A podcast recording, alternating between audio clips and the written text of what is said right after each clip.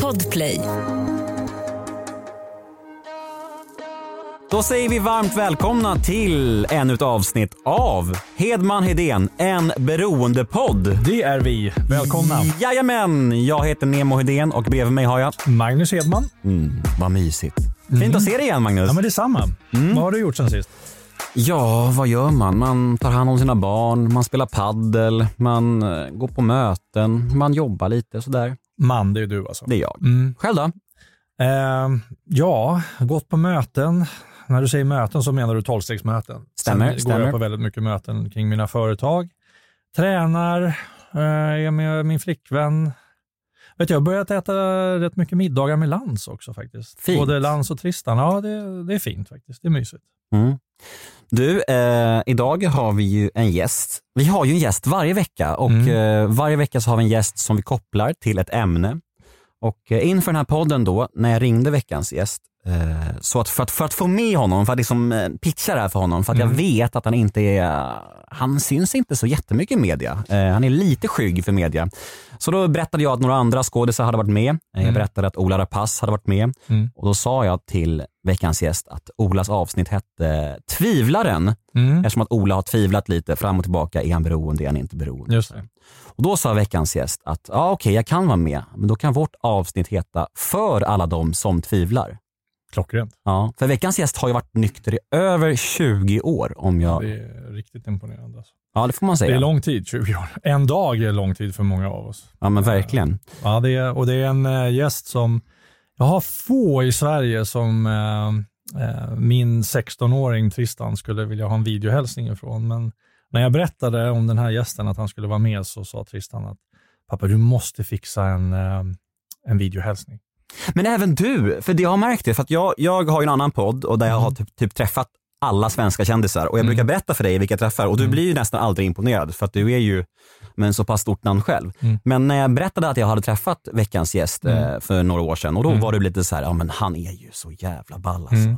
Och nu sitter vi här och nu ska han snart komma in här. Hur känns det för dig Nej, personligen men då? jag, och det är lite kul för mig, 47 bast. Eh, blir inte så glad och sådär jätteimponerad av mycket saker. Men jag ska berätta, jag tänker jag berättar när vi tar in honom hur mycket jag har följt honom. Speciellt en grej han har varit med i som jag har sett eh, gång på annan, gång på annan. Och Det som är lite intressant också med veckans gäst innan vi tar in honom är att han, han är nog en lite av en doldis för vissa, men faktum är att av mina poddavsnitt, jag har släppt över 300 avsnitt av Nemo möter en vän, är han fortfarande en av de mest lyssnade så här sju år senare.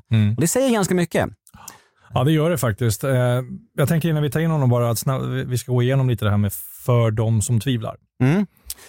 Men det är väl att, att dagens tema kanske ska riktas till alla de där ute som är mitt emellan liksom på något sätt. De sitter i den där båten där man kanske ena dagen tycker att man, fan jag måste söka hjälp, jag har problem. Och sen nästa dag bara tänker, äh, det var nog inte så farligt ändå. Det där klassiska tillståndet där man går fram och tillbaka, fram och tillbaka. Och jag tror att veckans gäst har mycket att säga i ämnet eftersom han har varit clean så himla länge. Hur hade du det med det där? Hur lång, liksom, för jag kommer ihåg själv när man vaknade upp efter ett två dagars race. Och, eller vaknade upp, men försökte sova snarare efter två dagar. Mm. Och, där tok ångesten, ingen kraft, eh, mådde piss. Aldrig mer. Mm. Nej, fan aldrig mer alltså. Jag tycker Robert Boman pratade så bra om det, att han kallade det någon slags fönster, window of opportunity, att man måste nyttja det fönstret för att för det fönstret stängs väldigt snabbt. Mm. Men det tror inte jag att man fattar om man inte har någon slags kunskap om sjukdomen. Då blir det mer att man bara säger, äh, det var nog inte så farligt ändå. Det där Nej, nej, klassiska liksom. Men Medan får man några bananer och lite käk i sig, sen är man ju på det igen. Liksom. Det är ju så är det. Då är en öl en jättebra idé och sen sitter man där med pudret i näsan. Mm. Men du, jag tycker vi drar in veckans gäst för att det är mycket det. mysigare att ha honom här. Jajamensan.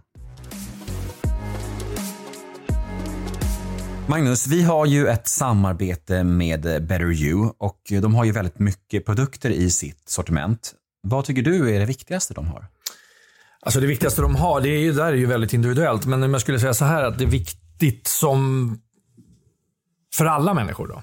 Eh, så tycker jag absolut nu under vinterhalvåret D-vitamin. Jag tjatar om det, men den är så, så viktig. Så D-vitamin, jag tycker C-vitamin och eh, jag tycker även att gurkmejan som de har är en sån där produkt som alla kan äta. En antiinflammatorisk som är eh, väldigt, väldigt bra produkt. Mm. De tre skulle jag säga. C, D och gurkmeja. Och magnesium. Då blir det fyra. Mm. Man kanske borde ge sig själv eh, ett gäng produkter från Better You i julklapp kanske? En present till sig själv? Det tycker jag. Ja. Eh, magnesium är ju muskelavslappnande. Hjälper dig att slappna av. Eh, det kan också vara bra för restless legs och sådär och pirr i benen och sådär. Eh, gurkmeja om du har ont i kroppen eller om du har mycket inflammationer i kroppen. D-vitamin vet vi för vi får inte tillräckligt mycket sol. Eh, och för immunförsvaret. Eh, så vi kör de tre istället. Mm. D, gurkmeja, magnesium. Och visst har vi en rabattkod? Absolut. Hedman Hedén ger 20% rabatt. Kanon, tack Better You! Välkommen in, Jens Hultén. Tack snälla, vilken, vilken härlig introduktion. Välkommen! Ja, tack Magnus.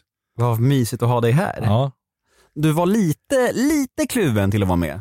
Ja, men av den anledningen som du själv nämnde. Mm. Det är så många människor i vårt skrå som tituleras kändisar som är med överallt. Och jag har ingenting att säga om det.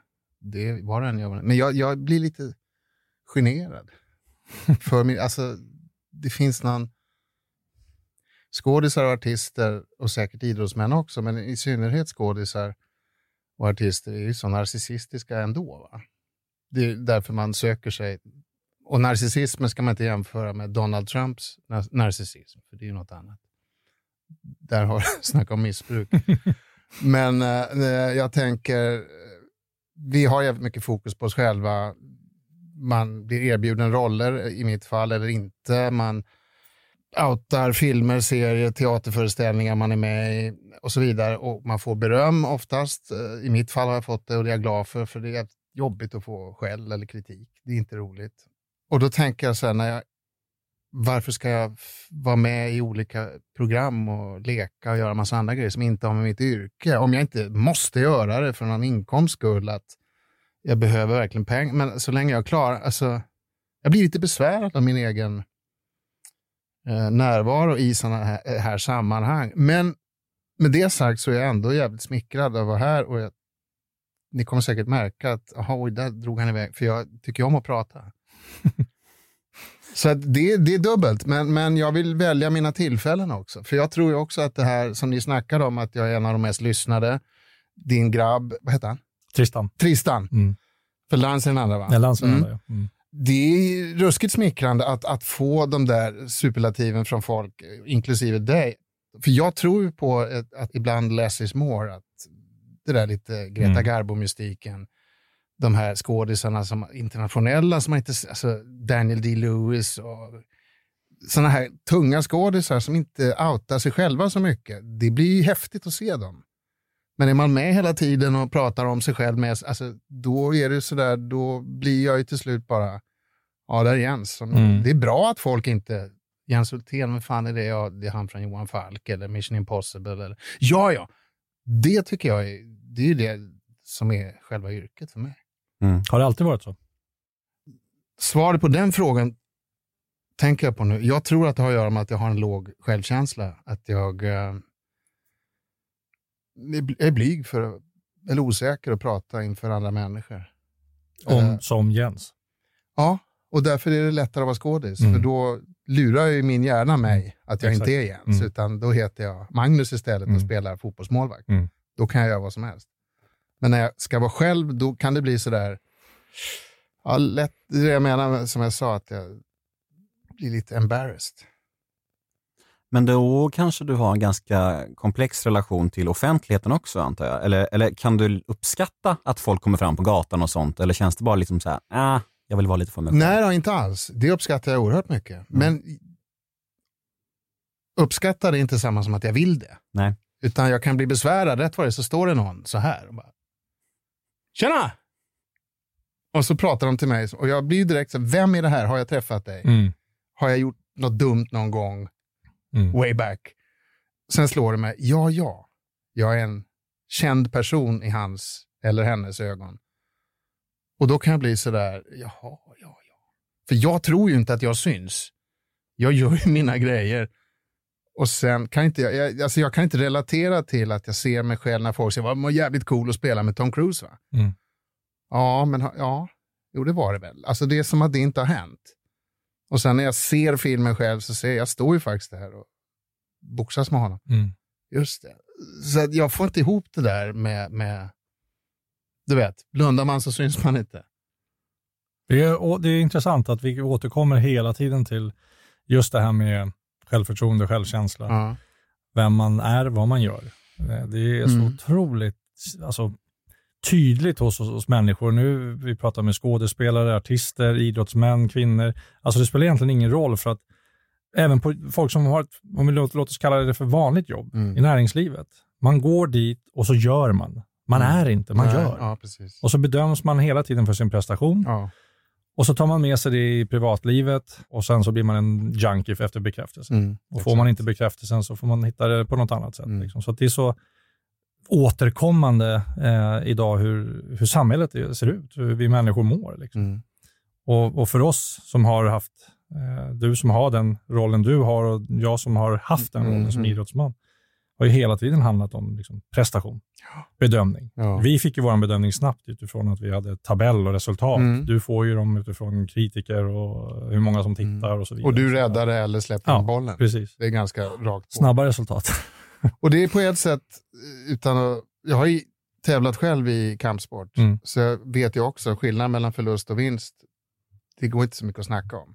Någon kan säga att det var jämnt och han vann på poäng, men i regel är det in or out. Mm. Kultur, artisteri, skådespeleri är så... Det är bara subjektivt. Det finns ingen objektiv sanning. Och jag tycker han eller hon är bäst i världen. Hur kan du säga det? Usain Bolt spr- har sprungit snabbast i världen. Mm. Det går att mäta. Mm. Det andra är ju bara tyckande och tänkande. Och där är vi inne på det här som du snackar om, samhället. Eh, hela världen mår ju dåligt. Samtidigt som världen säkert mår bättre än vad den gjorde på 1700-talet. Så någonstans går det framåt, men det blir också en liten sån här två steg, ett steg fram, två steg bak, eller Mm. vad man säger. Jo. Precis som det blir för en missbrukare. Det du nämnde, man reser sig på morgonen, tar en banan och sen är det på igen. Och lite så, jag drar gärna iväg till existentiella grejer. För mig. Jag, jag har en idé om att mänskligheten, människan som art är, kan jag, försöker jag i min, mina stunder när jag sitter och fnular, försöker jag se som en person. För mänskligheten beter sig som en person. Med många, alltså med alla miljarder celler Mm. som då ska samarbeta för att den här personen ska funka. Och vi är de här små cellerna som tillsammans ska göra så att jorden fungerar. Eftersom nu alla celler dessutom har fått ett eget, en egen podd, alltså inte, ja du vet, alla kan höras, alla kan tycka, alla kan, och de här åsikterna förväxlas givetvis med sanningar, vilket givetvis, fakta och åsikter är två skilda saker. Och sen startas det här polariserande skiten som hålls på nu. Det är liksom för och emot och det, man ska outa den eller den och han eller hon sa det och den ska få inte vara med och Kina och Ryssland och, och USA. Alltså det, det är bara, och det där är någonstans, när jag hittar mina egna tankar så, så är det som att mänskligheten befinner sig någonstans i någon tonårsperiod. Så att i bästa fall så kan vi bli vuxna. Det är ganska lång tid kvar. Och en tonåring vet man ju av egen erfarenhet och vi som har barn och du som kommer att få tonåringar snart. Mm. Det är det där, pappa kan jag hata dig? Alltså det går ju sådär va. Så att det är ju det är där världen befin- mänskligheten befinner sig. Va? Vi kan själv och vi är så jävla duktiga. Vi kan resa till månen och vi kan förflytta oss med små cyklar som knappt nuddar trottoarerna. Men vi kan fan inte samsas och nu har vi en pandemi och nej, det är skit, fan måste få dricka lite. Mm. Och så vidare och så vidare. Och, och världens ledare står och säger det här går snart över och nu ska vi ha, öppnar vi samhället snart och någon säger "Aj, nej, det kan vi inte göra, håll käften, jag har lyssnat på det. Så det är de här liksom cellerna som pågår inne i den här mänskliga kroppen. Och där vill jag jämföra mänskligheten med en människa och jag skulle säga att mänskligheten är en missbrukare. För vi har någonting som alla pratar om. Pandemin är liksom ingenting i jämförelse, utan det är ju klimatförändringarna. Det är som en missbrukare. Du kommer, du, ja, jag vet att jag dricker, men det, det är lugnt. Mm. Om ett par år. Och det är där vi är. Ja, ja, vi vet det här och nu drar vi ner lite. Och, ja, vi, vi, vi stänger Bromma flygplats och så blir det inte så mycket inrikesflyg. Men vad hjälper det om inte alla drar åt... Alltså, Mm. korka på, och lär dig leva med det. Mm. Men vi är inte där och vi är tonåringar vi tror fortfarande att vi är oövervinnliga. Och det kommer nog ta ett tag till. Jag hoppas verkligen att mänskligheten får bli gammal. Mm. Vi kommer säkert klara oss, men våra barn och deras barn, och så där, det finns mycket att liksom vara lite orolig för. Och det startar ju då till oss små individer som ska bära allt det här. Fy fan, nej, jag tar en öl, jag skiter i det här. Eller hur? Mm. finns ju en variant. Sen finns det ju de, jag drack personligen bara för att jag tyckte det var kul. Men varför var det kul? Jo, därför att, då kommer jag tillbaka till det där, jag tyckte jag var roligare när jag drack. Jag blev mer extrovert, jag kunde underhålla mig själv och andra mera och vågade göra grejer och så vidare. Så att där fann jag en lycka, jag blev ju förälskad i just alkoholen. Mm. Och sen alla andra substanser fylldes ju på för att liksom hitta en perfekt match. Så jag drack ju egentligen aldrig för att... Men det är ju ändå en flykt. Att man tror sig Mm. bli någon som... Alltså jag är ju den jag är. Givetvis så är man den man är också, även när man häller i sig grejer.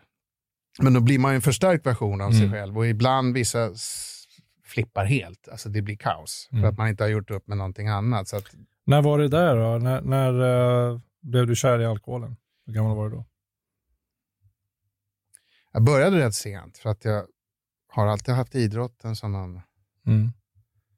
eh, krycka, eller intresse, stort intresse för idrott. Så att, nej men jag tror att jag blev packad första gången när jag var 17.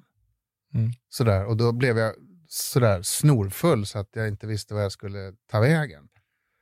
Och man drack bira ur hinkar på golv, som man hade snott såna här jävla ölbackar på restauranger och slangade utan kolsyra och så här, party och så spelar man noise och såna här.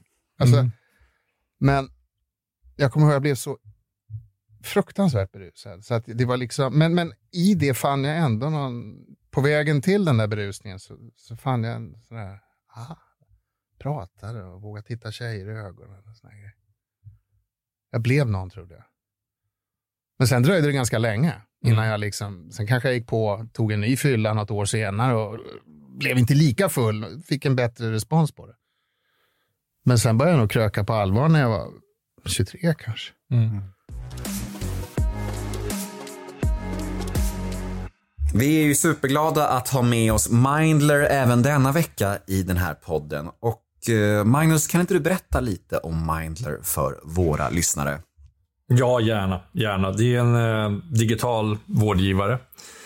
Eh, och de har valt att endast arbeta med psykologer och därmed har de också inriktat sig på behandling av psykisk ohälsa som, som vi vet är ett område som är enormt stort. Eh, och Mindler upplevde att det fanns brister inom det. Så att eh, där eh, stark varm rekommendation att ta kontakt med Mindler om man mår dåligt.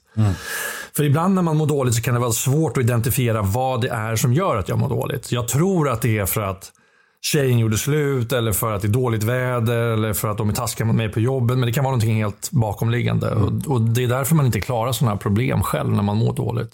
Eh, Så att eh, där har ju Mindler fantastiska resultat och fantastisk personal. Tack till Mindler för att ni är med och möjliggör denna podd.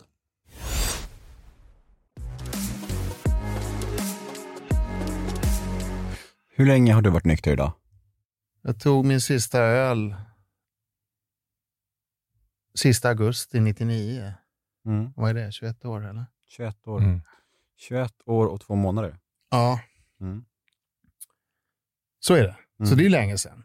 Var det svårt att sluta? Nej. För dig? Det var, ja, eller nej säger jag. Det är det klart det var svårt. Eh, men, men det där är en process. När jag väl bestämde mig för att sluta, då var det inte så svårt. För då var jag så förtvivlad. Då hade jag sumpat så mycket skit. Jag hade supit bort precis allt. Så att det var, det var inte mycket att välja på. Och jag hade inga bakdörrar och det fanns ingen som kunde sponsra mitt drickande. Men jag, det kostar ju ändå. Liksom Mm.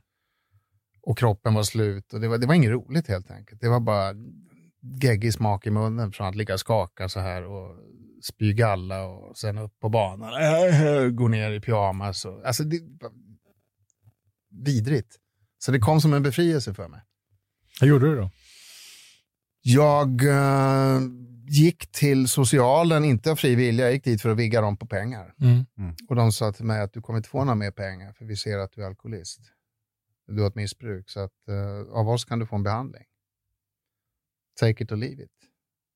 Och jag tänkte att ja, jag tar behandlingen och sen kan jag börja dricka. Mm. det ordnar sig. Mm. Jag gör som de säger, sådär som man alltid tänker. Mm.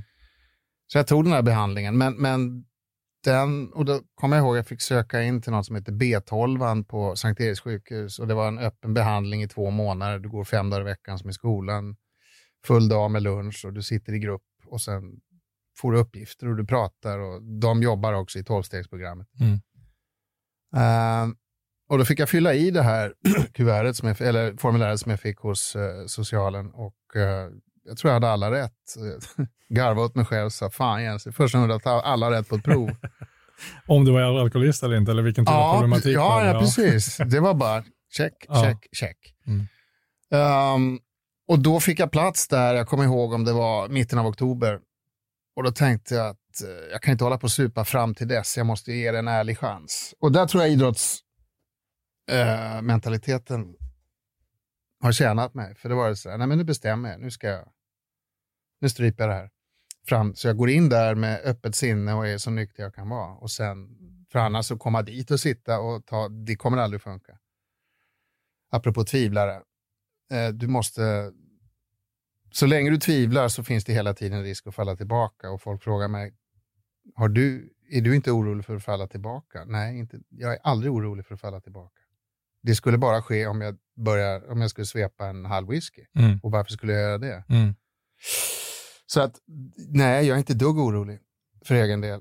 Men fram till sista augusti 99 så tror jag att i alla fall under tre års tid så gick det upp och ner från att det där som du nämnde, lägga av, ligga och skaka, ta en banan, på igen, hålla sig i två veckor, skitbra, träffa grabben, liten, bra, städa lägenheten. Nej, men nu tar fan, jobb här. Alltså, Mm. nej, jag tar en liten öl bara, ska vi ta en bira? Mm. Bara, en, två kanske. Mm. Så, pa, pa, pa, pa, pam. Och sen gick det tre dagar, en vecka. Mm. Och så där höll det på. Och det var ju bara plågsamt, i synnerhet för de som var runt omkring, men även för mig. Och sen var det inte så mycket att snacka om. Så när jag korkade på så var det, okej, nu är det klart. Nu går jag in i den här behandlingen. Men jag hade fortfarande sådär, vi får se efter behandlingen, man kanske kan dricka lite vin längre fram. Och sen när jag gick in i den här behandlingen, då insåg jag redan första dagen att det här kommer, det här kommer, alltså jag är inte den som ska kanske dricka längre. Mm. Det var ganska glasklart, för jag tycker mig själv vara en ganska intelligent man. Så jag, jag förstår ju när det är kört. Liksom. Mm. Så det, det, var, det var en lång process dit, men när det väl var så var det bara okej, fine. Då stryper vi det här. Och sen tog jag all hjälp jag kunde få. Gick den där kursen, eller vad vi ska kalla det. Och sen gick jag på ja, i två år efter det.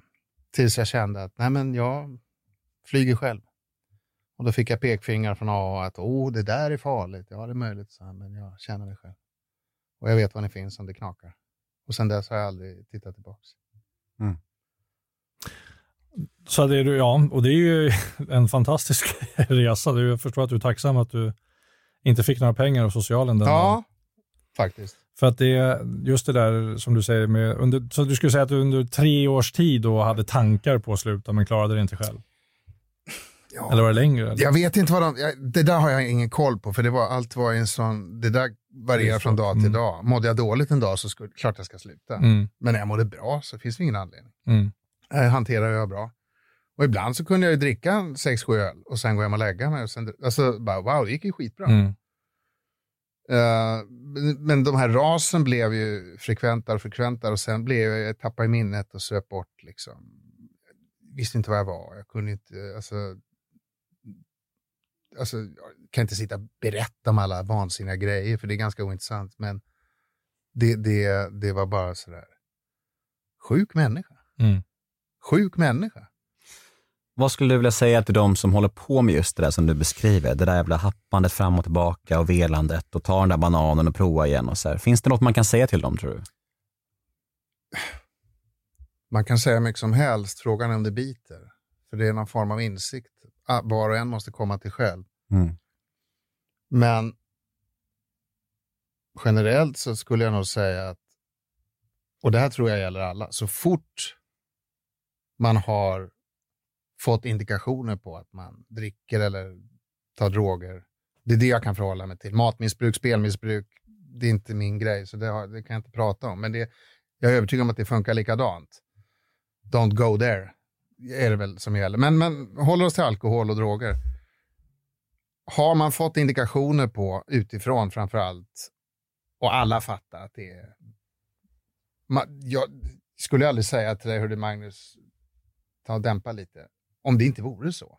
För det är ingen som vill kliva över den tröskeln och börja tala om för någon. För det det gör, känsligt. nej, men man gör inte det. Nej. För att, varför ska jag säga det? Om det inte finns, det finns ju alltid en, ett frö av sanning i det där, för att när man säger till någon, Ja, det finns ju ingen skäl att säga Nej, till nej, någon nej. att du super Som inte och knarkar för mycket problem. om de inte Nej, gör nej, det. nej. Varför ska man göra det? nej. Mm. Så att har man fått de indikationerna, då redan där är det ju lika bra att ta tag i det. För Mm. det kommer inte att ordna sig. Om man inte slutar. Det är min bestämda uppfattning. Har man klivit över den lilla gränsen, då, ja, tvivla hur mycket du vill, men det är bara att förlänga plågan. Och våga lita på att folk som säger det faktiskt vill väl. Ja, Att det handlar om Ja, ja, ja. omtanke och oro. För att alla människor som sa åt mig under mina år, mina föräldrar, mina syskon, kompisar, alltså jag var ju bara taggarna utåt. Och, och liksom så här, Mm. Såklart. Bara, de, de är dumma i huvudet. Vad fan, vad vet ni liksom? Vad fan, det är, jag, jag, där, jag lever mitt liv, jag sårar, jag skadar ju ingen, jag skadar bara mig själv. Fuck Mm, you liksom. Men nu, nu är jag liksom, så här några år senare så kan jag känna så här, jag hade nästan velat att de sa åt mig mer. Så man, man fattar att de bara ville väl. Liksom. men det hjälper inte heller. För Nej. att ju mer folk gapar och skriker på en, ju tjurigare blir man. Ja. Det är som ett barn. Mm. Du får inte äta godis. Men det är nästan, det är nästan en van. Det är nästan den vanligaste frågan jag ändå får på, på Instagram och så här, från folk som bara, de kan skriva bara så här, ja men min pappa eller min kompis dricker för mycket, vad ska jag göra? Ska jag inte säga någonting eller ska jag liksom markera? Och jag tycker den frågan är skitsvår. Den är ju svår. Men jag brukar säga så här, tough love liksom. Markera, säg till, men, men stryk inte medhårs heller liksom. Man, man måste hitta någon mellanting där. Jag tror det är viktiga, för där, vi går in och pratar mycket medberoende där ju. Ja. Alltså, och anhörigproblematik. Och för, för min del så tror jag att sätta kärleksfulla gränser. Mm. Är du påverkad så är du inte välkommen. That's it, till Mm. exempel. Mm. Du kommer inte få någon mer swish. Du kommer inte få Nej. några pengar av mig. Nej. Jag säger det till dig nu så att du vet om det. Kommer du att fråga så kommer du inte få några mer pengar. Alltså, och De här gränserna som man sätter upp för sig själv som medberoende måste man ju klara av att hålla. Det är ju som att säga till sitt barn en gång till så får du gå på ditt rum och så gör de det tio gånger till och sen är den där varianten Precis. körd. Liksom. Så det brukar jag säga väldigt tydligt. Sätt upp kärleksfulla gränser som du kan leva upp till. Mm. Det är liksom det svåraste skulle jag säga som finns som eh, anhörig, men det viktigaste. Ja, Absolut. det, det är nog så. Eller nog, det är så. Såklart det är. Och sen så kan man bara, behöver inte hålla på och älta det. bara här, du vet vad jag har sagt. Mm. Det gäller fortfarande. Mm. Det är man tvungen till. Och det är säkert... Min mamma får ju jävligt illa eftersom jag är hennes barn. Mm. Eh, en partner eller en förälder, ja, det är nog så jobbigt. Men jag tror att, ens eg- att se sitt eget barn fara illa, det, det kan inte vara kul. Nej. Och där är det också väldigt svårt med tough, uh, tough kärlek, Mm. Eh, givetvis. Man står som en regn, dra, dränkt katt utanför. Mamma, jag... Mm. Alltså, det, fan, då ska det till att hon ska stänga dörren i facet på honom. Mm. Men uh, egentligen så är det det hon ska göra. Det finns ju ett skäl, alltså medberoendegemenskaperna i, eh, vi tar Sverige, växer ju lavinartat. Är det så? Alltså, ja, det, det blir bara fler och fler möten i, i Sverige just kring medberoendeproblematik. Jag har ingen insikt i det här eftersom jag sa, som jag sa till dig. Så att, you tell me, men det är så. Alltså, Mm. För att jag lever ju inte med det här längre. Nej. Missförstå mig rätt alla som lyssnar nu, men jag tänker inte att jag är nykter alkoholist. Mm. Jag ser mig inte som nykter. Ja, jag var alkoholist och nu lever jag nykter. Jag har varit alkoholist för 21 år sedan. Och jag har inga som helst planer på att prova igen. Men... eh, så därför har jag så svårt att identifiera mig med det här. Det jag går av- själv i medberoendegemenskap Ja, och eh, eh, där gör man ju också 12 steg. men du är medberoende. Men Ja. du har ett eget beroende också. Ja, ja jag har haft tidigare. ett eget beroende sedan tidigare. Eh, men mitt medberoende, det började ju väldigt, väldigt tidigt i min, tidigt Ja. min ålder. Och, Ja. Ja, det är jobbigt att vara på de där mötena och höra folks stories. Ja. Ehm, för att när man går på andra möten, alltså tolvstegsmöten som handlar om beroende, så äh, någonstans sådär, så även om det är en sjukdom, så är det ju ändå vi själva som tar ölen, liksom, eller tar strecket. Mm. Men när man går på de medberoendemötena så är det ju ja, det, det är jobbigt många gånger att lyssna på folks stories Mm. som har föräldrar eller barn och så vidare. Så att, men eh, väldigt bra program. Mm. Väldigt bra program för de som inte vet var de ska ta vägen. På många sätt är det ju sorgligare med, Ja, det det. med medberoende. För att Ja. det är någon maktlöshet i det som är så jävla, jag vet inte, den är bara så jävla avgrundsmörk. Ja, men du Mm. har en, en, en pappa som eh, har varit alkoholist, mamman medberoende, pappan har slagit mamman hela tiden och slagit eh, personen då som berättar som är en dotter. Hon har aldrig fått någon kärlek, eh, hon har alltid blivit uppkastad och inlåst på sitt rum. Alltså vad, vad har hon för förutsättningar sen? Snacka om att fly sitt egna känsloliv. Mm. Och för den personen att inte ta till droger eller alkohol i sin flykt, i sin resa. Eh, så att man märker att det hör ihop väldigt, väldigt mycket beroende och medberoende. De, flesta av oss beroende har någon form av dysfunktionell uppväxt. Jag är uppvuxen med en pappa som var jazzmusiker. Han är död nu så jag kan prata om honom. Eh, han var jazzmusiker, en av de främsta. Uh, han var också periodare, som, som det hette då. Alkis helt enkelt. Och det var han hela min uppväxt. Och sen skilde sig han och mamma. Och det, det var givetvis på grund av hans missbruk som allt det här bråken hemma och, och det där otryggheten för mig och min syster. Man hörde de här köksluckorna smällde ut i köket. Han slog aldrig mamma, det, det ska han ha heder för, höll jag på att säga. Det är väl inget att ha heder för. Mm. Men, men, nej, men han, han var aldrig våldsam, men han var högljudd. "Äh, vad fan!" Stor jävla offerkofta. Men hög röst och, och bara fan. Och, och, men han slutade också då när han, jag tror han var 55 när han slutade. Och jag var väl 35 så att jag tjänade några år på honom. Så jag tycker att jag har skött min grej. Jag Mm. drack hårdare än vad han gjorde Mm. och jag slutade tidigare. Allt för att bräcka pappa. och jag skulle inte hålla på med musik och teater. Jag skulle bli boxare och martial arts-mästare. Och det bl- blev jag också, men sen blev det ändå sådär tillbaks. Ja, det här är så jävla sjukt. tillbaks till Ja, musiken och teatern. Va? Mm.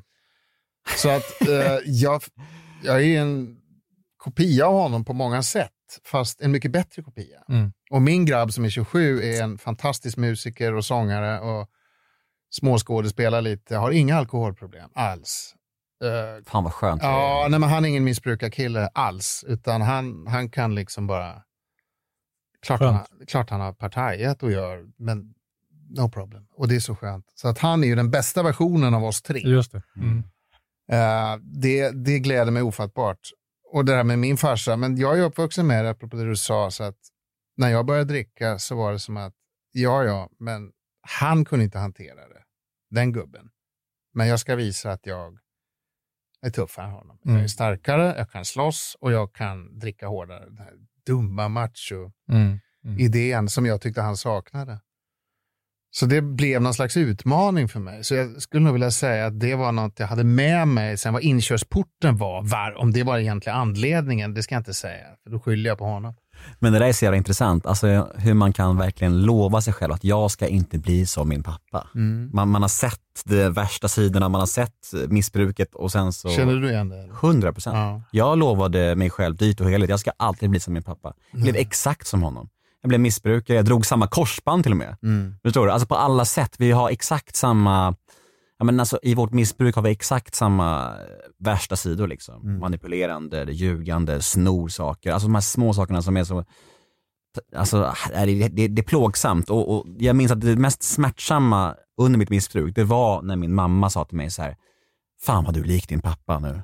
Alltså, du vet, Ja, det, det där vill man inte höra. nej gud alltså, jag, jag blev bara helt tokig alltså. Mm. Men jag fattar ju vad hon menar, för det var så. Det var samma sak. Nej, men jag är tvärtom. Min farsa, han, han, eh, hans, min farfar var ju eh, alkoholist. Mm. De umgicks mycket med Georg Rydeberg på den tiden och de hade rätt kul med, med flaskan. Så Tror jag det. Ehm, men jag har aldrig sett min pappa berusad. En gång, det var när jag gifte mig på det bröllopet. Annars har jag aldrig sett honom berusad. Nej. Och dricker, aldrig druckit i min närhet. Liksom. Mm. Ehm, min mamma eh, drack ju tyvärr för mycket, men, men eh, nej, farsan var helt... Mm. eh, så han hamnade mitt emellan mig och farfar där. Liksom. Han Det kan jag hoppa bättre. över några generationer. Ja, precis. Mm. Men jag tänker på en sak som vi, som vi ehm, eh, om vi ska liksom titta på hur kan man hjälpa folk en sak när det kommer till det här med att utsätta sig själv för risker, så är det ju så att många som försöker sluta eller vill sluta bör ju inte gå på en nattklubb eller sätta sig på en uteservering kanske vid fel tillfälle och sådär. Hur var det för dig? Du vet, här sitter antagligen en av de största Johan Falk-supporterna någonsin. Det är jag. Mm. Eh, jag vet inte hur många gånger jag har sett den där serien. Eh, jag tycker den överlägset bästa serien Mm. som gjorts i Sverige. Mm. Eh, jag tycker du är grym i den. Fantastisk. Kitos. På många, många sätt. Och, men där, när jag var på behandlingshem för tre år sedan så eh, hade vi lite tid över. Då slog vi på eh, Falk och eh, då var det, jag kommer ihåg en scen, eh, det är du och Kinnaman i, eh, på hans kontor på, eh, klubben. Ja. Och ni sitter och tjafsar om du har någon vapenlista som ni ska ta in i Sverige och eh, ni tar varsin lina. Mm. Eh, där när jag satt på behandlingshemmet så bara, bara körde i min mage, liksom välbehagskänslan kom tillbaka, Mm. för det var rätt tidigt in i Mm. behandlingen. Hur har det varit? För du har ju satt ju också, kommer jag ihåg, när din bror Felix, som han hette i Mm, Falk, mm, när mm. han dog så satt du vid hans gravsten och låtsades bira. hinka bira. Ja, liksom. hur, hur har det varit? Liksom? Nej, Det har inte varit några problem eftersom jag är så klar med det. Mm. Så att för mig har det... Det har inte väckt någonting? Nej, nej, ingenting. Inte på något sätt. Det, det är som att jag... Det här är svårt att förklara för att olikt många andra som jag pratat med missbrukare, jag dricker ju till exempel dagligen alkoholfri öl Mm. och tycker det är bland det godaste som finns. Mm. Men det är inte många alkoholister som skulle våga det. Nej. För att, åh, det här smakar och det kan sätta igång. Jag har aldrig, nej. Jag är bara glad att det uppfanns så att jag får dricka öl. För det var det jag tyckte om. Mm. Men jag blir ju inte berusad. Om man dricker en, eller max två, för att varför ska man dricka fler? Mm. Det är som en Ramlösa, du dricker en för du är törstig. Men, nej, det har inte, men jag har så lätt att ta fram den där fyllan, eh, linan, jag har lätt att minnas det, jag har lätt att gå in i det som om att det har aldrig berört mig. Mm. Förstår du vad jag menar? Mm. Så att jag, jag kan sitta där och dra det där florsockret då som man ska dra upp i Mm. näsan så kan jag känna, det här är ju fusk. Mm. Ja. Det vet jag ju. Ja. Så att givetvis så är min hjärna, givetvis, eh, det var bara här om natten jag drömde, det var igår natt, drömde jag att jag drack ett glas vitt vin. För en polare till mig drack ett glas vitt vin. Och då drömde jag att jag tog ett glas vitt vin och det var, inga, det var jättegott och inga problem. Men jag vaknade inte med någon ångest, utan det var bara en del av drömmen. Så jag drack ett glas vitt vin. Mm. Så att det där efter 21 år, det finns ju. De där, Jag undrar rece- om vi kommer dit de där receptorerna är ju är kvar. Va? Mm. Ja, det tror jag väl. Vad fan, det är nog bara en fråga om tid. Jag tror det. Ja, det kan Ja. nog vara det. Men jag ska ärlig, det är en fråga om tid, men jag vill nog, jag vet inte om det är en efterkonstruktion. Det känns som att jag var rätt klar, alltså redan efter första den här två månaders behandlingen kände jag, ja men då så, då är det klart. Mm. Och jag vill påstå att den känslan har, in, har, har funnits hela tiden.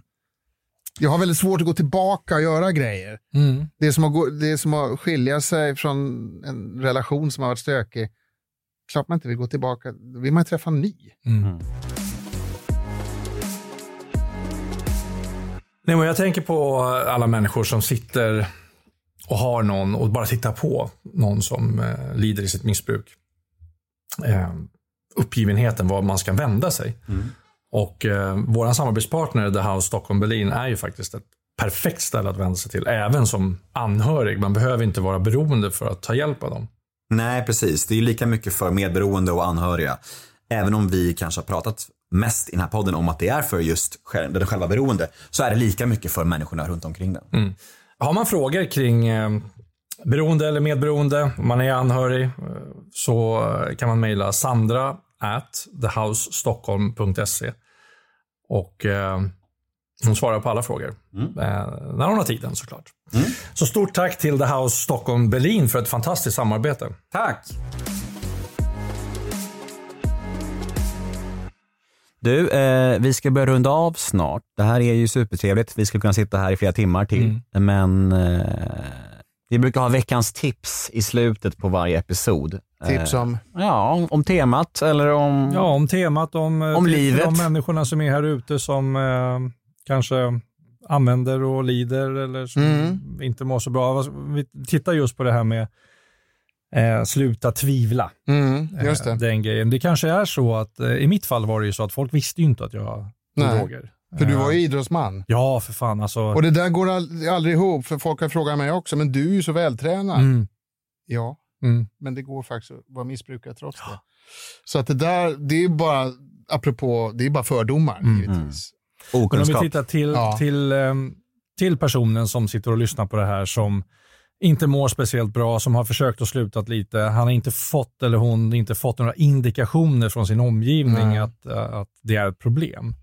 Vad skulle du säga till de som sitter liksom och inte eh, vet varken ut eller in? Som kanske vill sluta men som ändå tycker att det är så jäkla gott med det där glas vinet. Jag skulle nog ge dem ett tips. Gå till en anonym grupp och sätt er och lyssna. Behöver inte prata. Ni, ni är anonyma. Gå ner där och säg att ni är där för första gången och lyssna.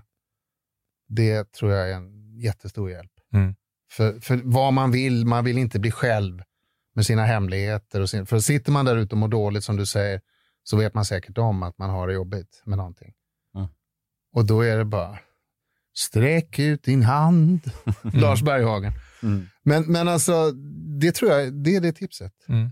Lås inte in er med era egna bekymmer och tro att det, ni kan lösa det genom att titta ner i botten. För det finns alltid en ny botten och botten och botten. Vänta inte på att nå den absoluta botten. Det är, man säger att alltid det, man ska nå sin botten, men, men jag, det är onödig tid. Mm. Om man redan, tvivlar man redan där så finns det en anledning att ta tag i det. För Det är, också, det är också en onödig risk. Man kan ju dö. Liksom. Ja, faktiskt. Ja. Det, det, precis. Varför vänta och när vet du Ja, botten i något? Liksom? Det, nej, så Vi, gå ner på vi möte. återkommer ofta till det. Liksom. Och det Jens pratar om när det kommer till de anonyma grupperna så är det ju de här tolvstegsgemenskaperna som, eh, Som vi ständigt som återkommer vi till. ständigt återkommer till. Det är Ja. bra människor som sitter Ja. där. Det är likasinnade som har samma jävla ångest och elände. Liksom. Sådär som de sa i Jönssonligan. Inför lagen är vi alla lika dåre som direktör. Mm. Mhm. Så det, det, det är en jävla bra forum. Man Jag- slipper vara ensam. Man slipper vara ensam. Och, och sen har var och en sitt sätt att göra. Jag sa att jag inte går längre, men det, jag behöver inte. Mm. Men jag behövde det. Mm. Och sen finns det de som, behövde det, som behöver det resten av livet. Go for it. Mm. Och de som tror sig klara det, pröva. Det där får man ju läsa av själv, men till en början, gå ner, sätt er, lyssna. Det, och man kan vara så, som en liten grå mus där, det är perfekt. Fan, stort tack till Ja. Jens Hultén för att du ville vara med idag.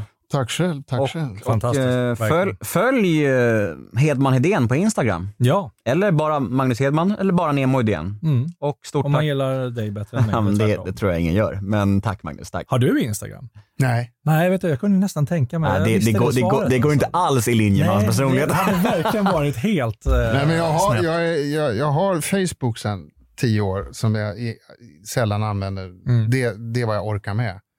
Mm. Och, Och där har jag bara folk som jag har träffat. Så Ja. jag har inga, Inga fanpages, ingenting. nej ingenting. Nej. Alltså jag kan, jag Fan vad skönt. att, ja, jag tycker sociala medier, medier är läskiga. Alltså. På sätt och vis. Sen är det bra, på, alltså, men det, det, det är samma där. Nu drog jag igång igen, jag ska avsluta snart. Men det är samma med sociala medier. Det är också ett missbruk.